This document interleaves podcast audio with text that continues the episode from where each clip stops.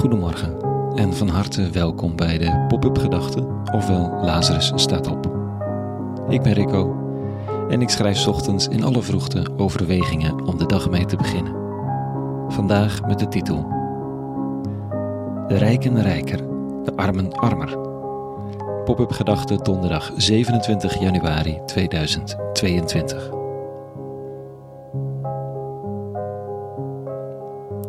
Het is de logica van de vrije markt. De rijken worden rijker en de armen armer. Er was ooit, en, en sommigen zullen er nog steeds in geloven, de gedachte dat als je de marktwerking maar zijn gang liet gaan, dat er dan een eerlijke verdeling zou optreden. Of dat nu zou zijn door een grote instorting van het systeem, die miraculeus een nieuw evenwicht zou creëren, of de gedachte dat als goede mensen veel geld hadden, ze dit ten goede zouden doen komen aan de rest. De trickle-down gedachte. Het druppelt wel naar beneden. In die end lijken het allemaal niet veel meer dan mooie, vergoeilijkende gedachten voor een wrange praktijk. De rijken worden rijker, de armen armer en eerlijkheid en evenwicht zijn ver te zoeken. Het enige wat vrij is in de vrije markt is de markt. Zeker niet de mens.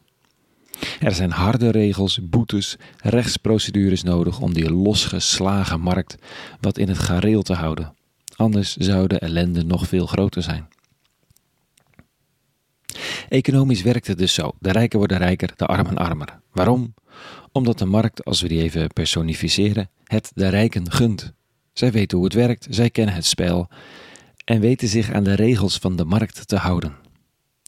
Greed is good, riep iemand, en dat werd een gevleugeld gezegde. Hebzucht is goed. Wie dat snapt en durft het bezit te laten rollen om meer te hebben uiteindelijk, die is koning over steeds meer armen. Waarom deze uitgebreide vrije markt? Aanklacht vanochtend. Nou, omdat er gek genoeg een vergelijkbaar proces speelt bij Jezus van Nazareth, die zich, zo zou je kunnen zeggen, als een concurrent opstelt van de vrije markt, een andere alleenheerser. Iemand die ook zegt vanochtend: Aan wie heeft, zal gegeven worden, maar wie niet heeft, hem zal nog ontnomen worden, zelfs wat hij heeft. Dat klinkt als de haves die zullen leven en de not-haves die er aan onderdoor zullen gaan. Maar er gaan twee zinnen aan deze uitspraak vooraf die het perspectief een beetje doen kantelen. Jezus zegt: Let op wat u hoort. De maat die u gebruikt, zal men ook voor u gebruiken. Zelfs een toemaat zal men u geven. Dit gaat niet over geld verdienen. Dit gaat over oordelen. Wie hard oordeelt over de ander, wie het leven weigert te delen, zo lees ik het dan. Die zal zelf ook op die manier geoordeeld worden en over zich afroepen dat er met hem of haar mogelijk niet veel gedeeld zal kunnen worden. Zo leert de man van Nazareth een andere wet.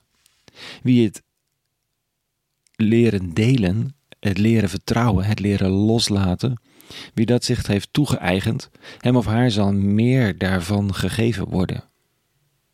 Wie niet vertrouwt en niet aan wil, die zal hetgeen hij of zij probeert krampachtig vast te houden, alsnog ook verliezen. Het is een harde maar herkenbare wet en moeilijk te verteren soms, maar wie vreest gekwetst te raken, die kan niet zo goed leren liefhebben. De liefde groeit juist door alles op het spel te zetten, jezelf op het spel te zetten. Het is een parallelle wereld van die van de vrije markt, maar dan met de zachte waardes van kwetsbaarheid, hoop, genade. Wie durft te hopen, hem of haar zal meer hoop gegeven worden. Dat is wat er gebeurt. Wie het al heeft opgegeven, die zal ook het beetje hoop dat er nog was verliezen. Het is geen oordeel dat Jezus van Nazareth geeft, maar een risico, een wetmatigheid die hij lijkt aan te wijzen. De rijken in het delen worden rijker in het delen. De rijken in het liefhebben worden rijker in het liefhebben. Dat is de uitnodiging. Los van de misschien negatieve klank van het de rijken, maar oefen in het delen en liefhebben en genadigd zijn, want het is een groeimarkt, zo gezegd. Jezus van Nazareth preekt hier niet de vrije markt, maar de vrije genade. En nodigt uit om te investeren in die laatste, met winstgarantie. voor iedereen.